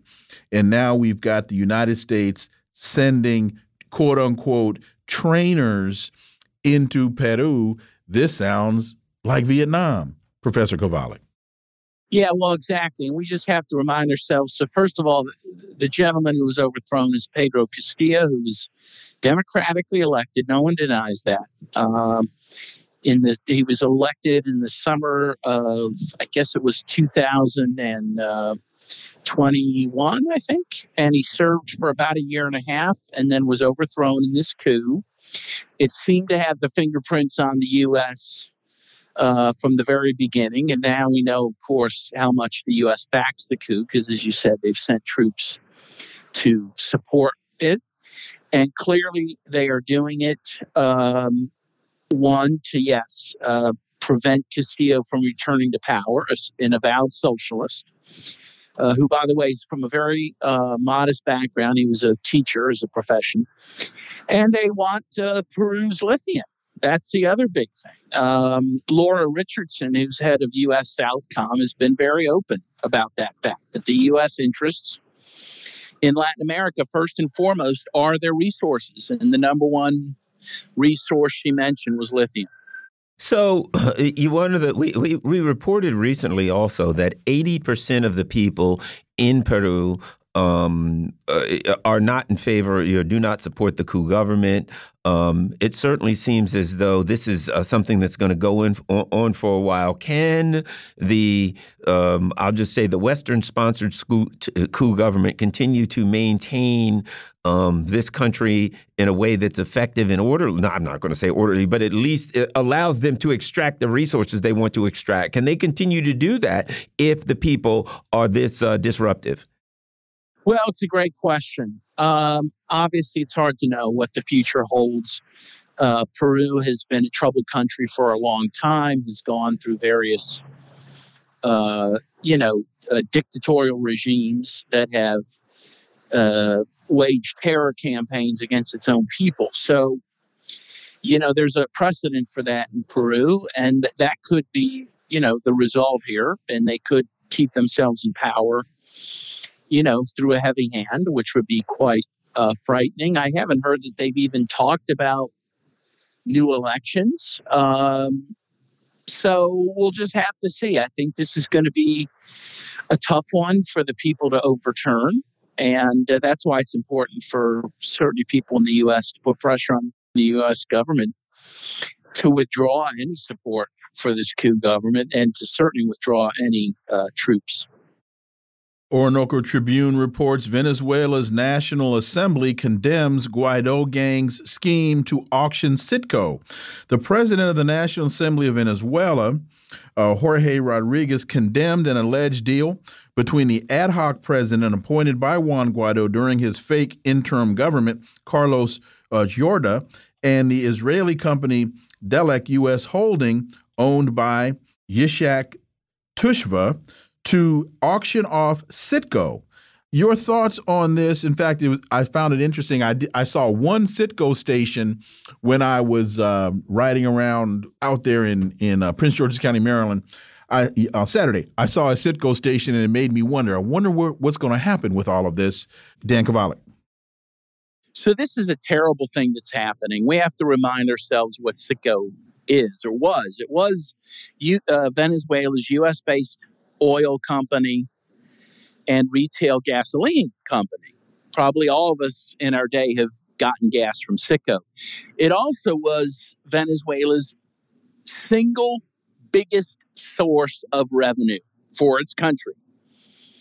And the U.S. simply stole it from Venezuela, gave it to Juan Guaido's uh, group, you know, uh, uh, Juan Guaido having absolutely no um, elected status to, to take that, but he was given it by the United States. And now, as you mentioned, uh, the U.S. wants to auction it off in pieces, which means if that happens, that Citgo will never return back to Venezuela, no matter who's in power. So they will lose this giant source of revenue that they had, which they were using for their own people, which also, by the way, they use some of the profits from that also for various social programs within and outside of Venezuela. So this is an awful thing that's happening. This is just nothing but old style colonial theft. And your thoughts on the fact that, of all places, an Israeli company um, is going to be involved, and the the the, the look there. Uh, uh, um, your thoughts? Yeah, I mean that's quite a precious fact, isn't it? Um, it adds insult to injury. Uh, of course, well, for a number of reasons. I mean, obviously, Israel is a uh, client state of the United States, which is basically propped up through billions of dollars of military assistance every year. And by the way, Venezuela is a very good friend of the Palestinian people, very supportive of Palestine independence. And, you know, for this now to be turned over to Israel is just, it's quite shocking, really. One other thing I'd like to add in there this is just like the gold that was stolen from Citgo, just like all of the money that Venezuela. was uh, Venezuela that was seized from Russia. This is another thing for other countries to look at and say, I don't want to park my money in the West. I don't want to park my business and my assets in the West because they'll steal it from you. And don't forget Iran. Exactly. Iran, you're right, Stowe. Yes, they're stealing people's stuff. It's going to hurt them in the long run, Dan. You mean the United States? The United States, yes. Yeah. That's right. I mean, the U.S. obviously uh, its currency is based, you know, it only has value because of the full faith and credit that people have in it. And yes, when the U.S. acts in this way, steals people's money, including Afghanistan's, right? Over what, about mm-hmm. $7 billion when the U.S. left town, then the people start losing faith in uh, the U.S as a, as a government, as an economic system, and in the US dollar. And they're going to, as you say, park their money in other places, in other currencies, so the US cannot get at them.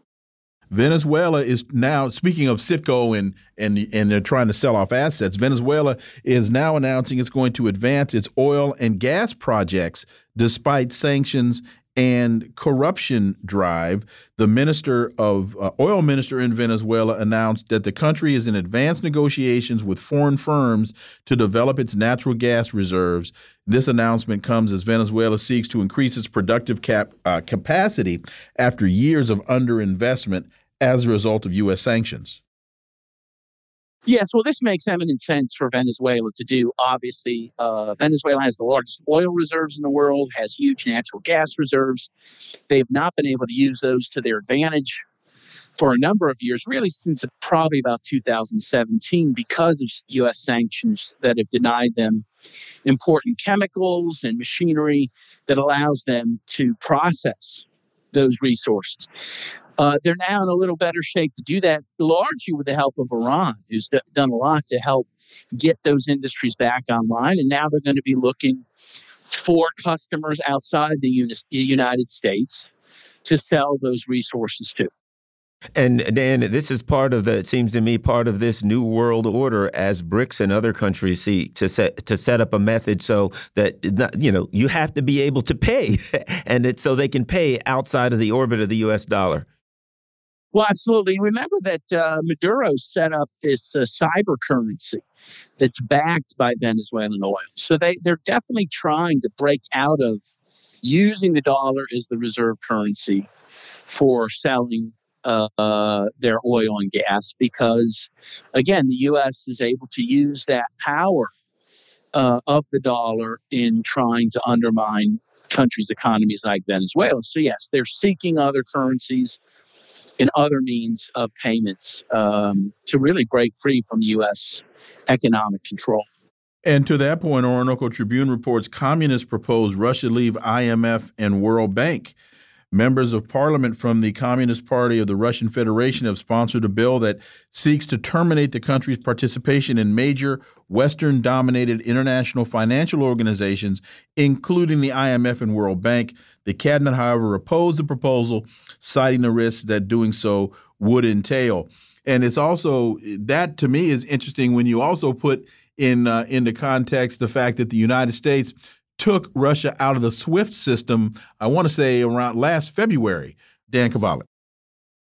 Yes, again, I think that that initiative by the Communist Party makes a lot of sense. Obviously, um, to to rely on World Bank and IMF uh, financing is really a road to indebtedness and impoverishment.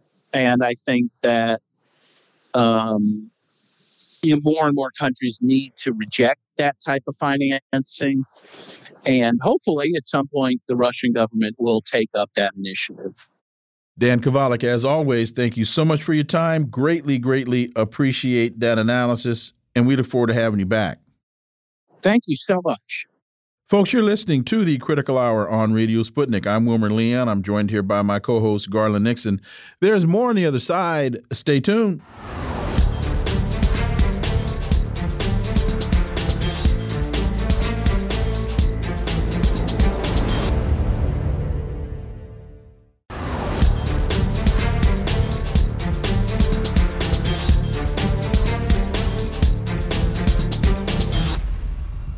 We are back, and you're listening to the Critical Hour on Radio Sputnik. I'm Wilmer Leon, joined here by my co host, Garland Nixon. Thank you, Wilmer. Popular Resistance reports Blinken slams door on Australian bid for Julian Assange's freedom.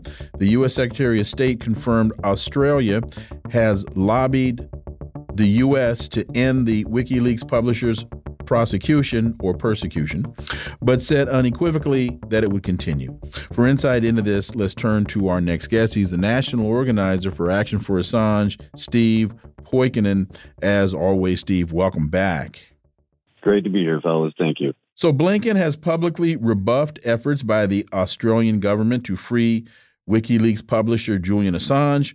Speaking at a press conference with Australian Foreign Minister Penny Wong in Brisbane, Blinken said he understood Australians' concerns about their imprisoned citizen, but took a hard line against any move to end his persecution. Steve Poikonen. You know, it, it's uh, it's wild the way that he delivered this statement too, because it sounds like something out of uh, Alexandria Ocasio Cortez's campaign or something that Kamala Harris and say he really did. He was like, look, I see you and I hear you, but now I need you to see me and hear me. And look, the, your little concerns about your, you know, country citizen, fact that he's been okay, maybe tortured for a decade or so, that that's it's fine. But uh, you know, he he put out some stuff that we didn't want put out, and that's far more important. So you're going to have to just live with the fact that the United States has international jurisdiction over the press now, and that what you thought were your own private citizens within, you know, your borders and your country's ability to deal with legislatively or judiciously, that doesn't exist anymore. You're you're America's 51st state after all. You better start acting like it. You know, and being that, let's face it, Blinken and crew, the kind of common street thugs and gangsters that they are, I'm sure when nobody was uh, uh, uh, when nobody was um, looking, he he said, "Hey, Remember Gough Whitlam? That was the that was the prime minister in 1975 when he didn't want to go along with the United States. The U.S. literally overthrew the government of Australia and replaced their prime minister with someone who was more compliant. So you know, it's kind of like with the the thugs of the neocons. There's always, no matter how much they smile, somewhere in the back of their conversation there's always something that says and if you don't do what we tell you we will you know we will go from the carrot to the stick your thoughts Oh, without a doubt. And it's not as if every Australian prime minister, remember the Bill Hicks bit about the president being taken into a room off the Oval Office and shown uh, the Zapruder film from a different angle. Right. Every Australian prime minister, once they're elected, gets taken into a room adjacent to their office where they're sat down and some, you know, faceless goon from the CIA goes, okay, now here's how your government really works.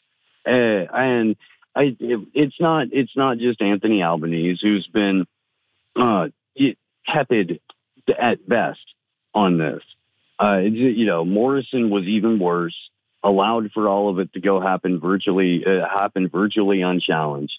We're uh, again, we're at a point where Australia acts in many, many ways, most ways, as a client state for the United States, and as its way of releasing information that they're not necessarily releasing to the American public yet or uh, currently um, as is the case with the cover of the front page of the Weekend Australian this weekend.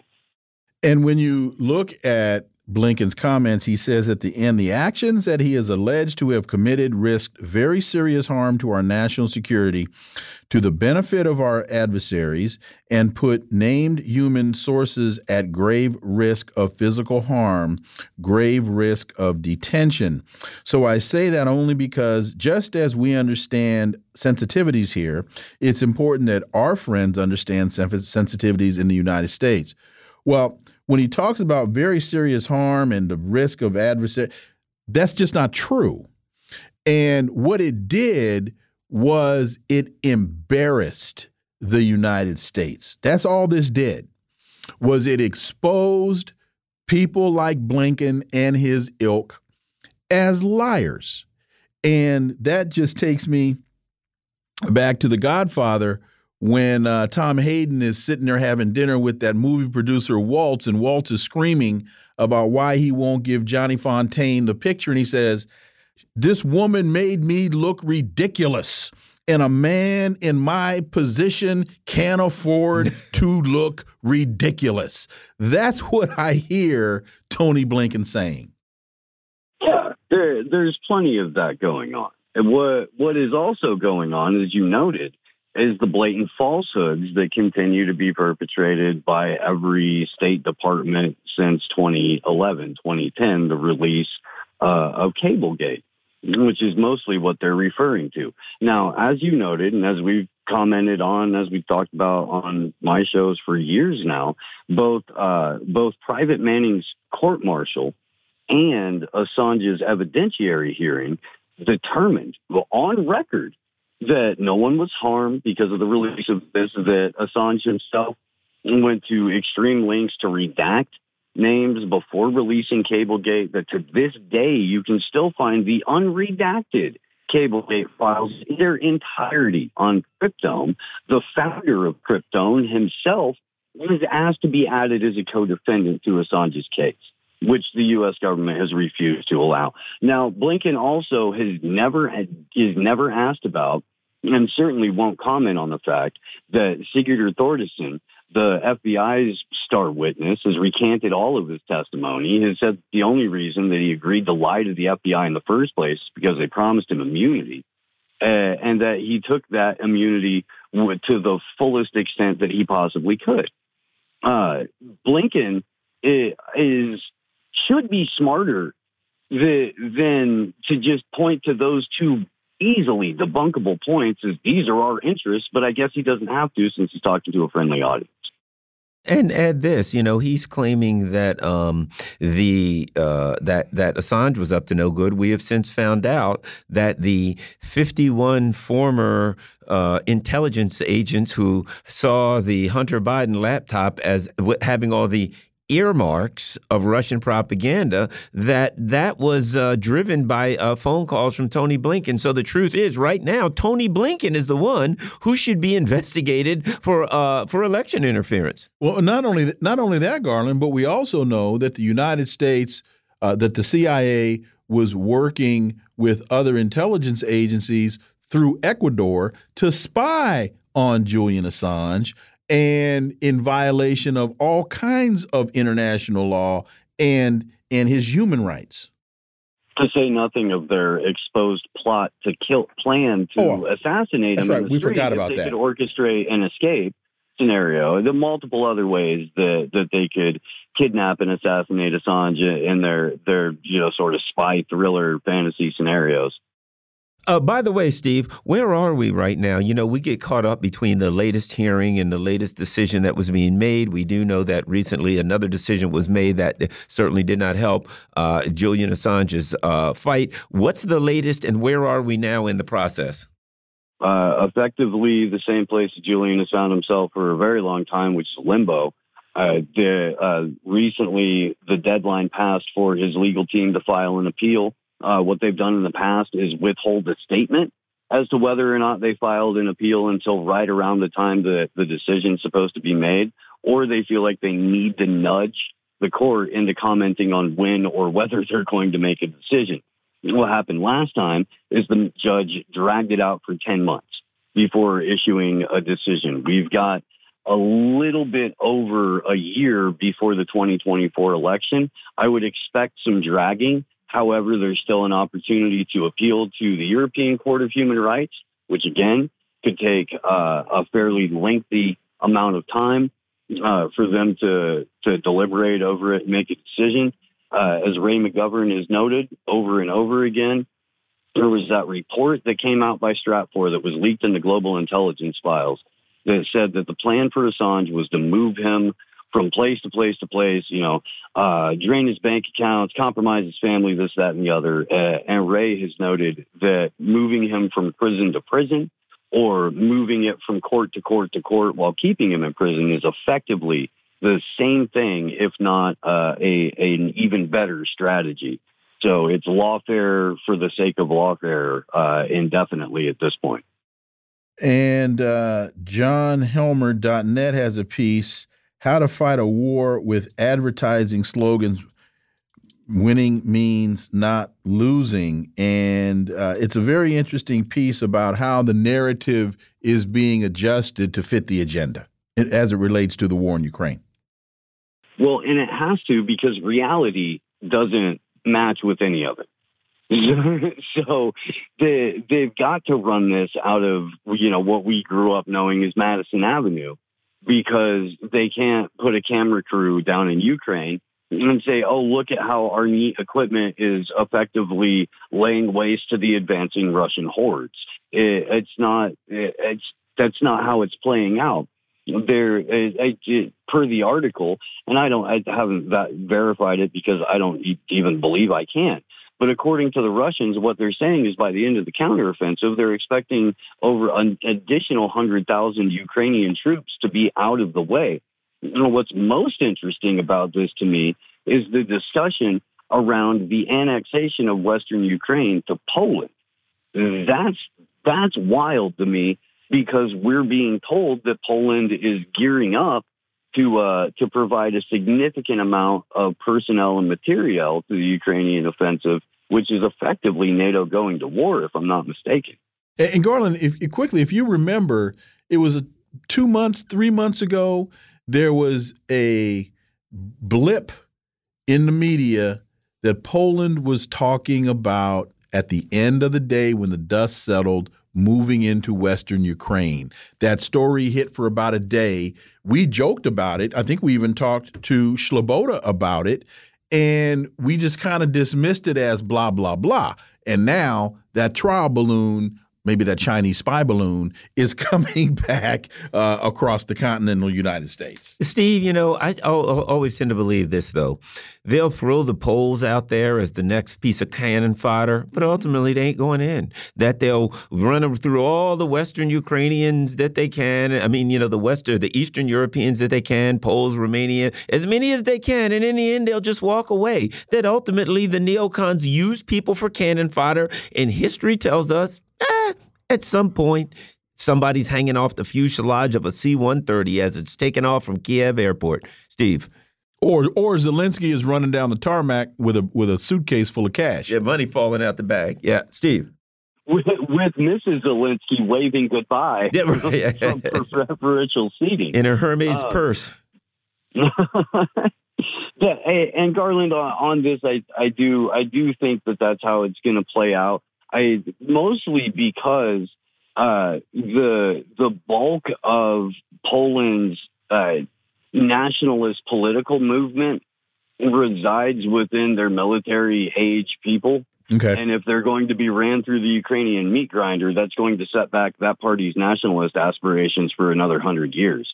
So it, it presents, uh, a, well, it presents a really good way to keep the neoliberal order in place in Poland. It presents a way to keep the self-perpetuating money laundering machine spinning until you have to pick it up and drop it down in, I don't know, maybe next door to Niger now, but if not Taiwan. But yeah, yeah, it, it, I, I do agree, Garland. Steve Poikonen, as always, thank you so much for your time. Greatly appreciate it. Look forward to having you back. Thank you so much, gentlemen. Folks, you've been listening to the Critical Hour here on Radio Sputnik. Thank you for allowing our voices into your space. On behalf of myself and my co host, Garland Nixon, we hope you were informed and enlightened, and we look forward to talking with you all right here tomorrow on Radio Sputnik. Be safe. Peace and blessings. We're out.